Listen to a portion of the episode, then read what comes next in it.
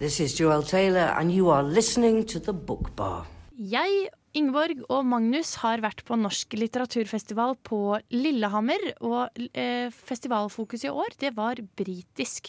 Og i den forbindelse så hadde de invitert en eh, poet og spoken word-artist, Joel Taylor, fra eh, Storbritannia til å eh, delta. Og jeg og Magnus vi ble mildt sagt eh, forbløffa og eh, veldig imponert over Joels eh, forestilling. Og eh, benytta sjansen til å få et intervju med Joel.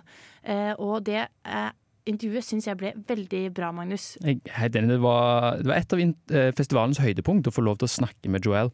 Og generelt, eh, jeg vil si bli kjent med Joel, for på siste dagen da, så var det liksom, da var vi på klemmen, og liksom, jeg følte ble litt kjent med henne, det var veldig, veldig stas, fordi hun var så imponerende. Hun hadde, en ting var at hun var så flink å opptre, og hadde så mye flotte dikt, men hun var bare så reflektert, og så tøff dame òg. Hun har søren meg opplevd mye tøft i livet, som hun kommer inn på intervjuet her. Eh, men allikevel, bare, ja, ta det, som, eh, ta det så godt, og liksom ha en reflektert tone rundt det. Ja, så hør intervjuet med Joelle, og gjerne plukke opp hennes nyeste diktsamling, eh, 'Canto and Other Poems'. It's been amazing. It's been amazing. Mm. Yeah.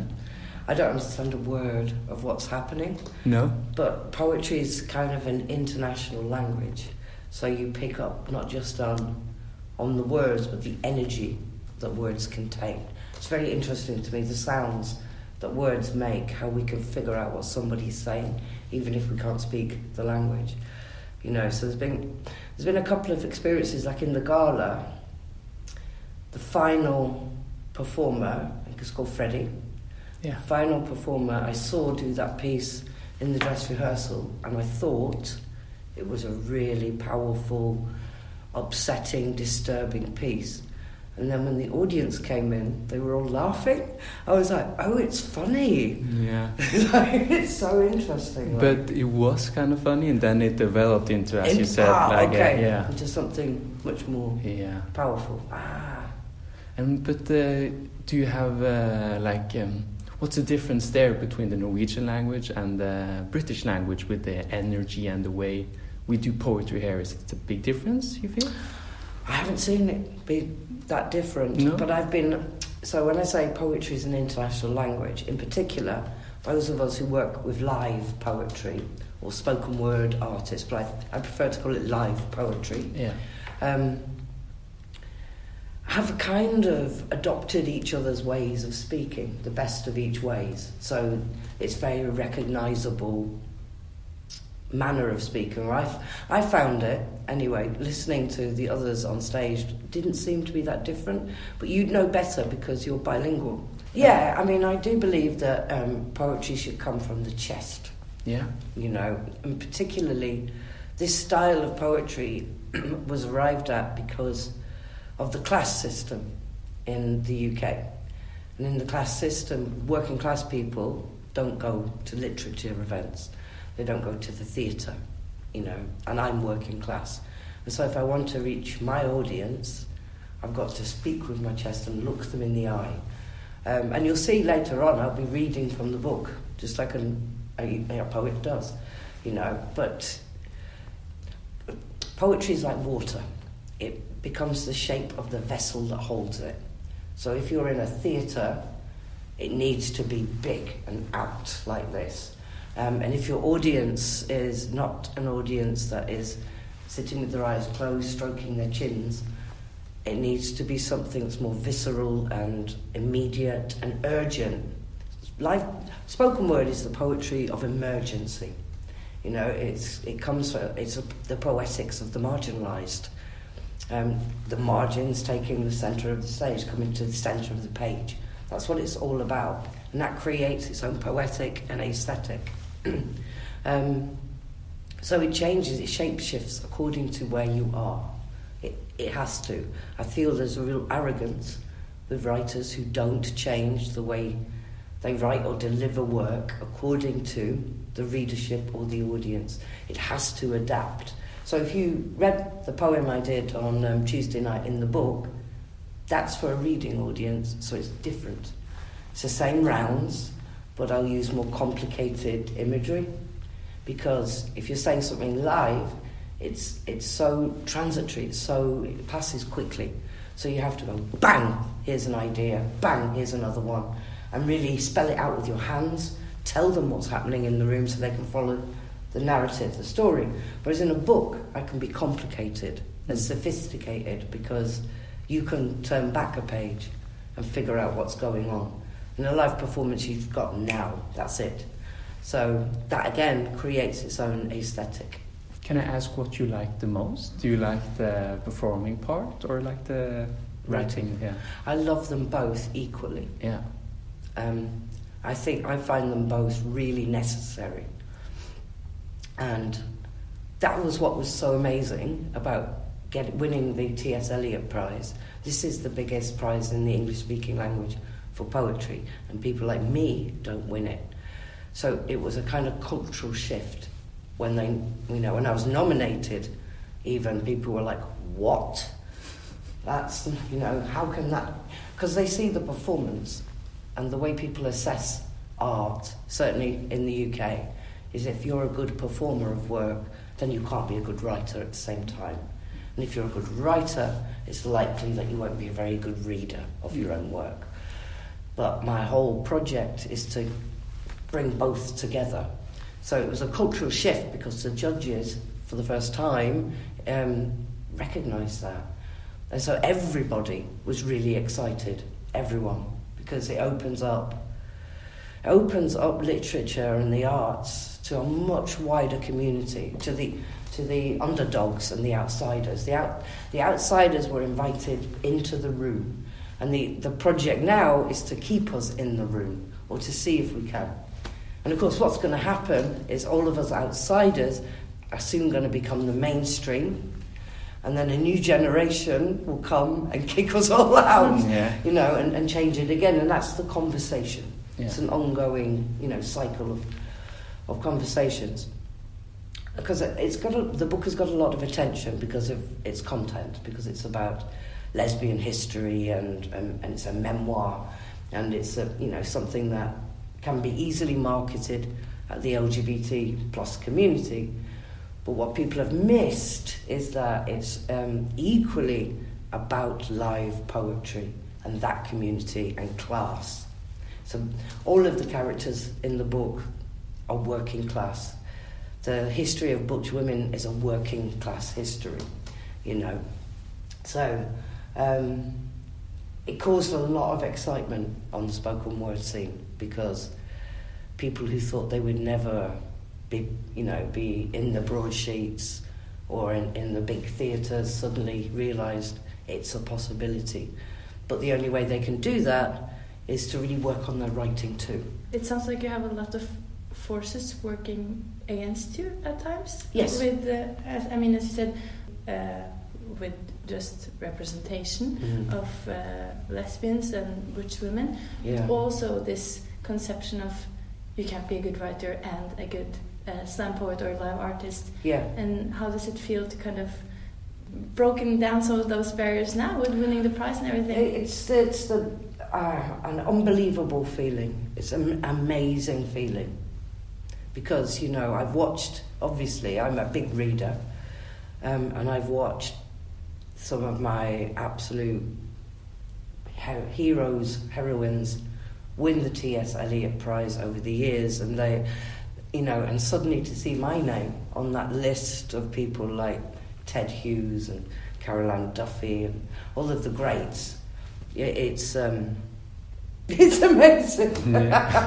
Uh, we saw Stuart Douglas in the um, tent on what's the, I did. yeah Yes. and he talked about that like one of his like um, forces to write was to like for the uh, gay community that have been working class that have like been suppressed for so many years and you Yes. wanted to tell their story Hmm. do you can you relate to that I Can absolutely related. I loved his um, interview. yeah Um, I found it really inspiring and exciting. And I don't know him, no. but we're clearly coming from the same idea. And if you think about it, I mean, you know, we have to write into empty spaces. That's what I think. We can't always write about the same thing. So you find an empty space and write into that. And an empty space is working class queer culture, or working class gay culture. but even more so with women, even more so. Yeah. Um, because that's why I had to put a glossary in the book. Because people know about Polari, which is gay language, but they don't realise there is a lesbian language too, because it's such a suppressed history. Because lesbians are women, you know, it's um, it's it's it's born out of a culture of both homophobia and misogyny, Mm. and so you know, I think it's really important to start to uncover those stories. And a really exciting development in the UK is that a whole bunch of lesbian artists have been inspired by this and a film called Rebel Dykes. Both things came out at the same time. Neither of us knew that we were working on this stuff, but now we've come together.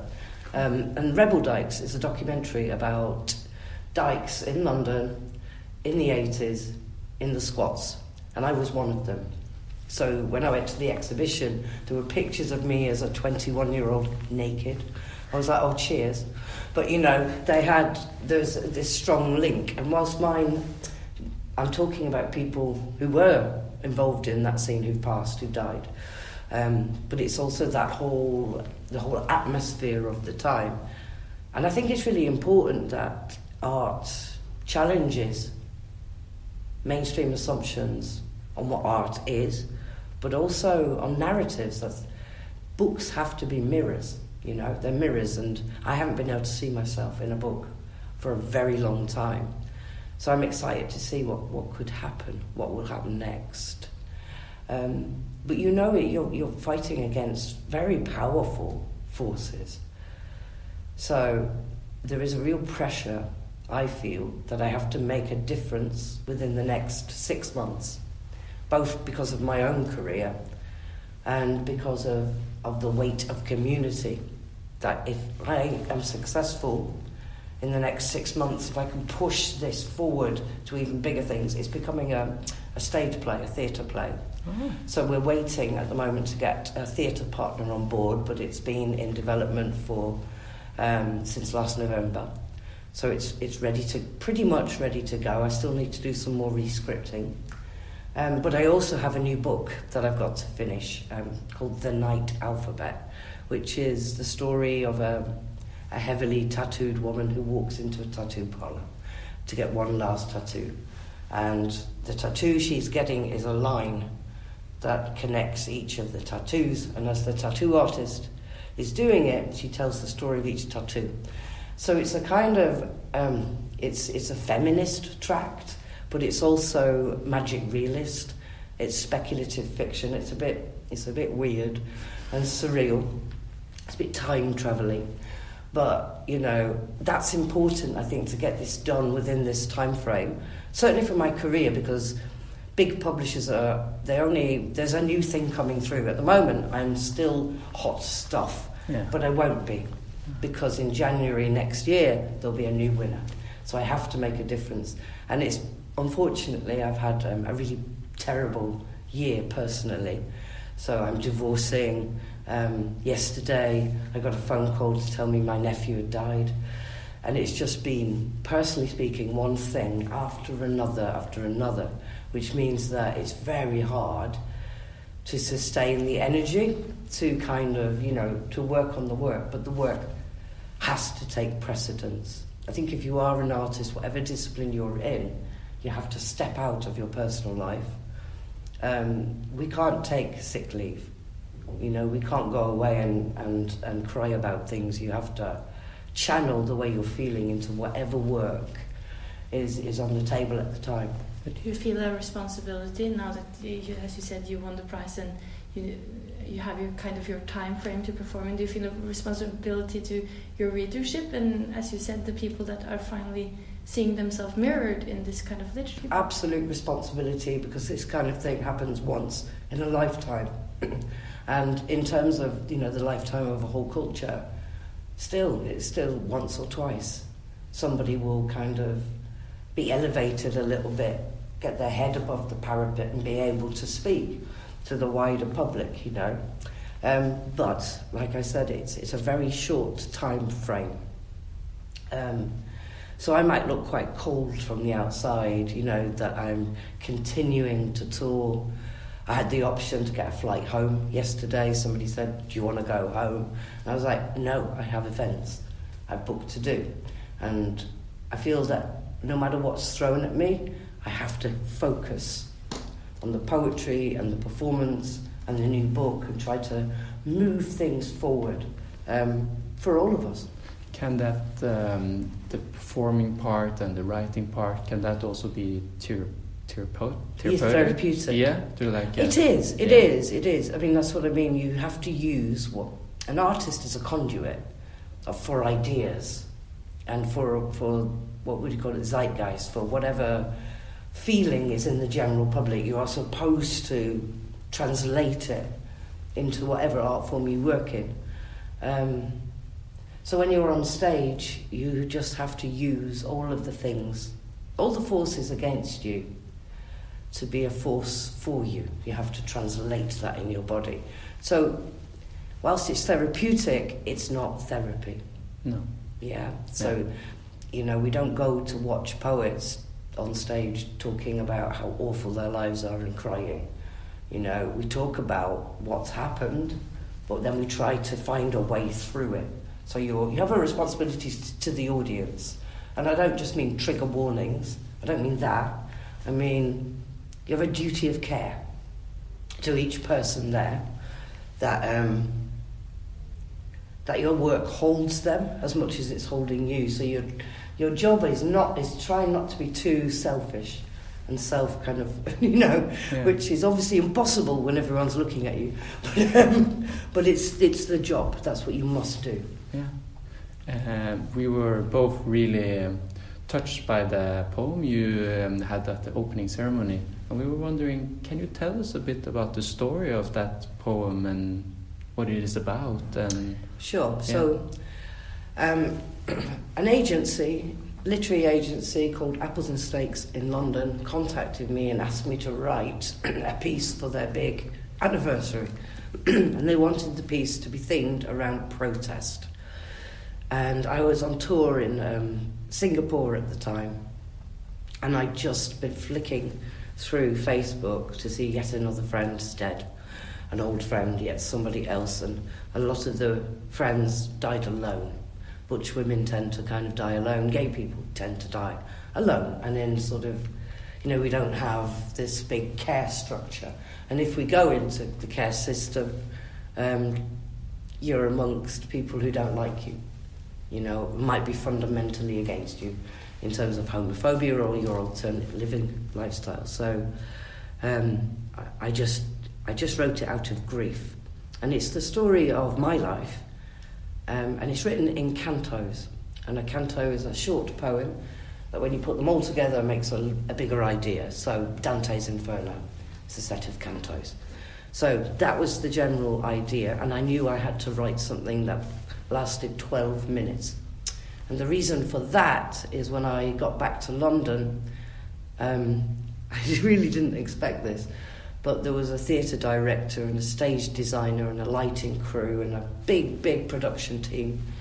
And they built a boxing ring and they roped it off in barbed wire. And their idea was that I stripped off and I was in one corner, and in the other corner was my three piece suit and my shirt, these shoes, white socks, and, um, and my tie. And each round, I put on a little bit more clothing, and I'm acting at the same time. Um, so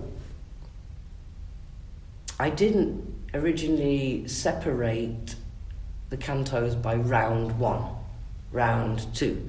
It was originally one, the body as battleground, two. And just in a very traditional canto way. And it was the theatre director who said, say round one, because you're in a boxing ring. Now, in the stage play, it's changed again, and it's set in um, the Maryville Bar, which is at the centre of the book. Um, and the rounds there are rounds of drinks. So it's a kind of the, the idea of poetry, like I said, it's, it's like water. You can make it fit the shape, or it has to fit the shape of the vessel that holds it. Um, so this is, is about it's a story of being exiled from my own family, being exiled from my own body, and how during the 80s and even the 90s throughout the UK, there was this mass migration of gays and lesbians from across the country towards London and towards Manchester, the cities, because we were we were unloved. We didn't belong. And we all left by ourselves. There's a very good song called Small Town Boy by Jimmy Somerville, which you all probably know. And that was released at the time and told the story of what was happening. That when you're exiled from your own community and you're told you're ugly and you're told, you know, you're worthless and you're a predator and a paedophile and all of these things, it, it's the most incredible feeling in the world to come to a city and it be something that's about this wide, a door between exile and belonging, ugly and handsome. So I wanted to kind of capture that in the poem, talk about how we how we reclaimed our bodies, how we found them, how we found each other, how we loved each other, but we came from trauma, and then how everybody died. Everybody just suddenly, you know. Um, I mean, not everybody, it's not a massacre, but, but just the impact of what it's like. And the, the, so the whole book itself, can I tell you the story of the book? Because the book's a story. Of course. And Canto, the poem, is just a part of that story. So it begins when a series of vitrines materialise around London. And a vitrine is a, a museum glass display case. And inside the display cases are things like a museum of first kisses. Um, there is a uh, the explosion um, of the Admiral Duncan bar. It was a, a, homophobic attack that killed people in the middle of London. So that's on repeat inside one of the glass boxes. Um, there are pretty police. They're called pretty police who used to go into the cottages and pretend to be gay men and um, and then arrest them um, so all these things throughout history, um, the hangings, the murders, um, also the most amazing night of my life dancing is there. There's a lot of joy in these boxes as well, and in one of them, um, a snow globe is an entire dyke bar. And you're probably aware that dyke bars have closed all over the world, particularly in the West. There's one left in London now. There used to be I mean, numerous, 30, 40, but they've all closed down or been closed down. What's the reason for that? That's a very good question. Um, I think politics has meant that um, that inclusivity is more important to people than than celebrating our separate identities. Um, and, and, and apart from that, also market forces. So we've had a very right wing government who started selling off everything. So the old Compton Street, which is the gay street in London, is unrecognisable to me now.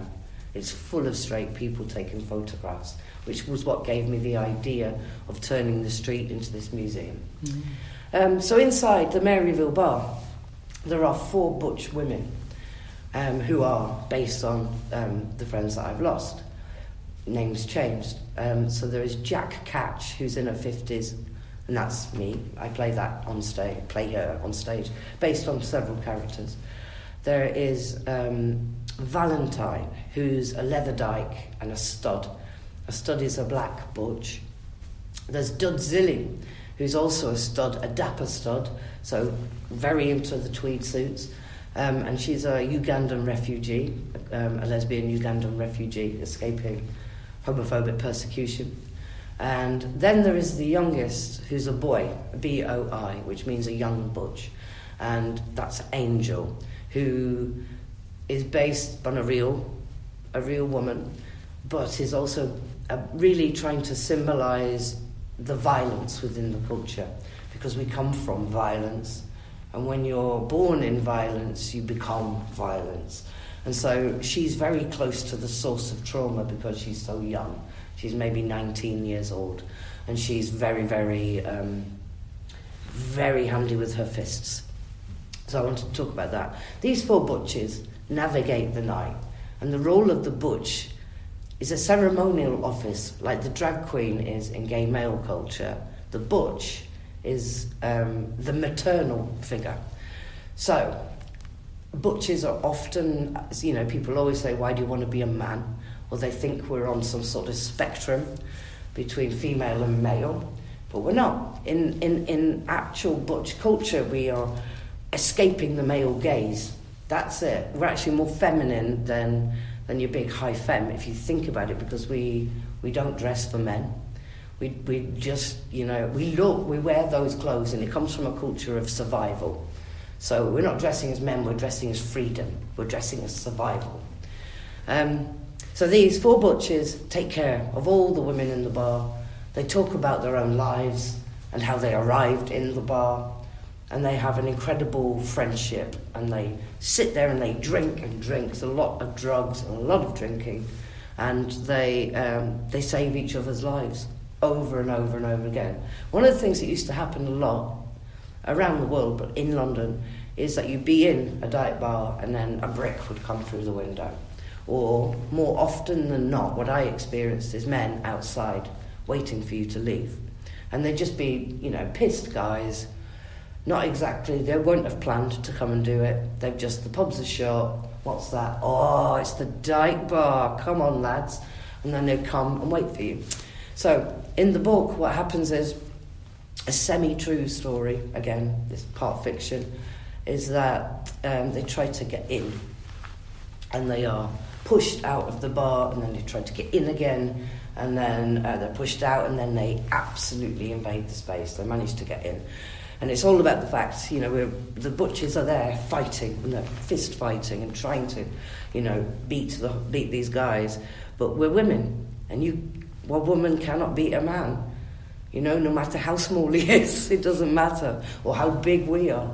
I know some very big women who could stand a chance, you know, with, with a small man, but most of us, look at me, there's no way you could do it.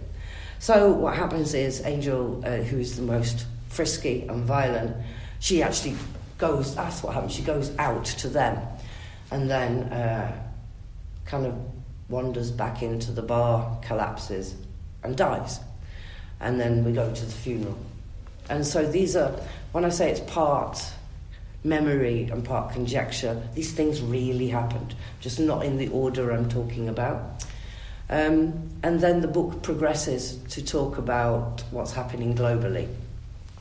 Now, where, you know, we can be put to death in numerous countries, we're illegal in 72 countries. Um, you know, we have Chechnya, which is absolutely horrific what's happening in Chechnya. They're rounding up gays. It's called the purge. They're rounding up gay men, and they're rounding up. Gay men have more of a chance of escaping because they're men, um, and Chechnya is a Muslim culture. Um, but lesbians, being women, aren't even allowed to leave the house. They can't certainly leave the country and pretend to be on a business trip and never go back. So they are being murdered by their own families and raped. There's a lot of corrective rape in Chile, South Africa you know, and I can feel it spreading across Europe, or we can. We're all talking about it. We know it's happening. Um, so I wanted to draw attention to that because we don't talk about it. But he also looks at our relationship a little bit with gay men because the new kind of politics around LGBT culture is that there should be this divide. But in the 80s, we had AIDS and our brothers were dying everywhere. It was, that was a massacre. That was horrific. And so in the book, there's a true, true account of when all the butchers lined up and gave blood to the gay men. Because at that time, nobody would give blood to gay men. Nobody would touch a gay man. Um, if a gay man drank out of a cup, my own father smashed the cup because he was scared that we could get AIDS or, you know. Um, so we, nobody really understood it. And at that time as well, lesbians thought we could get it because we didn't know how it was transmitted, you know. Um, so it looks at the fact that once we were unified, once we had this real unity, and I believe that in part identity politics has atomized us, and that atomization has taken place online, and there have been all kinds of rows, I mean, really vicious stuff going on. that has made us really vulnerable and weak. And so I just wanted to write a book that reminded people that we don't need to be like that. And maybe what we need to do, all of us, is to come back into the same space, have our distinct spaces. The reason we have dyke bars is safety, but it's sex. It's about fucking. It's about being in a space and giving someone the glad eye and being able to follow that through, you know. So it's not about exclusion, it's about, it's about being sexual. Um, and I think so when we're in these kind of wider queer spaces, there are a lot of straight people now, or what we would, in the old days, you'd have called heterosexual because they're with, you know, a man is with a woman, and that's what it appears to be. Um, it's less certain, you know, you don't, if you, you'd be less comfortable giving somebody the, what we call the glad eye, you know, giving somebody the wink because you're not actually quite sure whether they're part of your sexuality or not. And so I wanted to, yeah, it's, it's a book that tries to bring us together because something really bad is coming. And it doesn't matter if you're lesbian, bisexual, gay, trans, none of that matters. It matters that we're outsiders and we're, a lot of us are visible outsiders. Um, and they are coming. They are absolutely coming for us. They're coming. They are. Poland, Poland, Yeah. three quarters of Poland is an LGBT free zone. Yeah. I've been um, collecting books in London, getting donations of gay books, etc., lesbian books, trans books, and sending them to Poland. Poland. They've got these hidden libraries. Mm. So they're trying, because all the books, the gay books, were destroyed.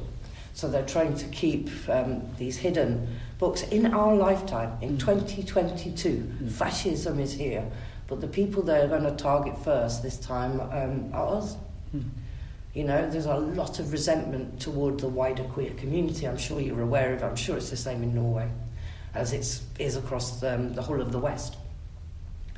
Um, we made such great leaps forward. Um, there is, this is the backlash. Mm. This is it. And we, we've taken our eye off the ball, I believe, in some respect, because the internet's about individual identity. Mm. I, I, I, I, I, you know, and there's a really great phrase that's being used at the moment by a photographer in London, a butch photographer called Roman Manfredi, who uses not they, them, but we, us.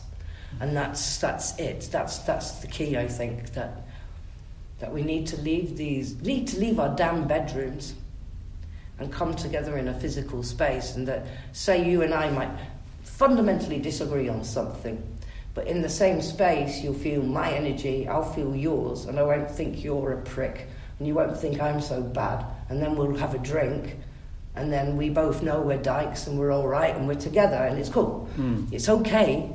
In the book, I talk about two truths existing in the same space. It is possible for trans people and lesbians to be in the same space, you know, and to have an equal, equal um, right to that space. So that's what it's about, really. Yeah, uh, it seems like you have an, with your book uh, an educational uh, purpose as well. As- Yeah. As you say, you're telling the both the history Yes. uh, and you have this linguistic project with the glossary of Mm. the uh, lesbian language. Yeah. Uh, so it's, I think it's a really important educational project that you're doing. Yeah, I mean, it's part, partly because I'm an elder now, but that's called a silverback. I'm a silverback now. And that means that I have a responsibility to the younger generation who might be getting all their information online, not from the people who are there, but from people their own age, uh, who weren't there, who didn't see these things, you know, who weren't at Stonewall. There are so many people who talk about Stonewall, Stonewall, Stonewall, Stonewall. Did you know that in the UK we achieved equality two years before Stonewall? So, like, why are we always focusing on the American experience? Mm. What happened in Norway? How did you do it? What were the what were the demonstrations like? Were there riots? You know, what's the constant fight of each community? Um, and just to be able to tell people about what it was actually like to walk down the street in a pride march and be spat at, Mm. and there'd be no rainbows. Rainbows weren't weren't everywhere. This is a relatively new thing. We we had pink triangles. That was our symbol because that's what we were given, you know, in the Second World War. Um, gay people were given the pink triangle, lesbians were given the black triangle. And then you were sent to the camps and gassed or whatever. Mm. So that was our very political thing. The rainbow um, was a hippie thing in the 60s. And, and it's a beautiful idea. And each of the colours in the rainbow doesn't represent an identity, it represents an idea. So there's one for magic. I can't remember what the colours are for each one, but there's magic, there is serenity, there is peace, there's joy. That's what each thing means. Now we've adapted the rainbow flag and we've got sort of the trans colours in and we've got black and brown to represent those identities and I think intersex has just been added. So it's it's a really interesting time because because it seems like every one of us has our own flag now. A, um, I sat and looked at them all when I was researching. I went to this um, museum and looked at all the flags, and I was like, God, we used to have one, mm. the pink triangle, because it summarised the persecution that we were fighting against. And I think it's really important to sort of, all these things are great. It's not to put down all the work that people have done recently, but I think there's a, a revisionism that's been going on that people, we all talk about. We all talk about it, but, um, but nobody, but it, you know, it's hard to find the information unless, unless you write it yourself. And you know, we all know about big events. Everybody knows about the bombing of the Admiral Duncan. Everybody knows about Pride, but you don't know what it's like to go out on a Wednesday night mm. in the Maryville bar and what that was like, what that felt like, what the carpet felt like, how it smelled, you know. So those things, I think, those sensory things are really an important part of history. And that's where literature is so that has its strengths. They, they yeah. can portray these things. Yeah, you can you can look at it, and um, I mean, there's a lot. Like I said, Roman Manfredi's doing this amazing exhibition, mm. and sh- she's gone um, around the world photographing butch women, which is extraordinary to see us all and how how like each other we look as well. We're like, oh my god. but there is a sort of you know everybody you know there's a sort of a commonality that's the real struggle at the moment. That's the new political force, is finding our common ground, finding commonality and unity with an awareness that we've been, we've really been conceited. We've really, really felt safe, certainly in the UK. I, at the beginning, I talk a lot about being, you know, hit and, and attacked in the street and homophobic attacks. They absolutely stopped by the 90s, by the mid 90s, nobody attacked me anymore. And then Brexit happened, and I had three assaults. And, and lesbians started to be beaten up on buses. There's been murders of gay men, uh, which hasn't happened for decades in the UK, but it's begun again because Brexit emboldened the right wing, mm. you know, and, and so people are very open now, you know, Dyke, faggot, queer, which used to be a slur word, but now we're like, yes. so um, that's what I mean. If you're, if you're 50, you can see what's happened. You were there from, from absolute exclusion and exile to belonging, and it's beginning to go back again. So I use, I use um, a metaphor in the book throughout it the first stone. So the first stone is this idea that whoever threw the first stone, remember, there's a big row about, you know about this, there's a big row about who started the Stonewall riot. Up until 2015, the person responsible for starting the Stonewall riot was Stormy DeLarverie, who was a bouncer, a butch black woman bouncer on the door of the Stonewall Inn. And the police came, and what they used to do is, is um, go in and take all the, uh, the frisk everyone, get their money. So it was all about money and mafia and taking the money, and and they would strip the dykes, particularly the butch dykes, to humiliate them. And you all used to have to wear three pieces of women's clothing, or you would be locked up. So the butches would have on like thongs and bras and stuff.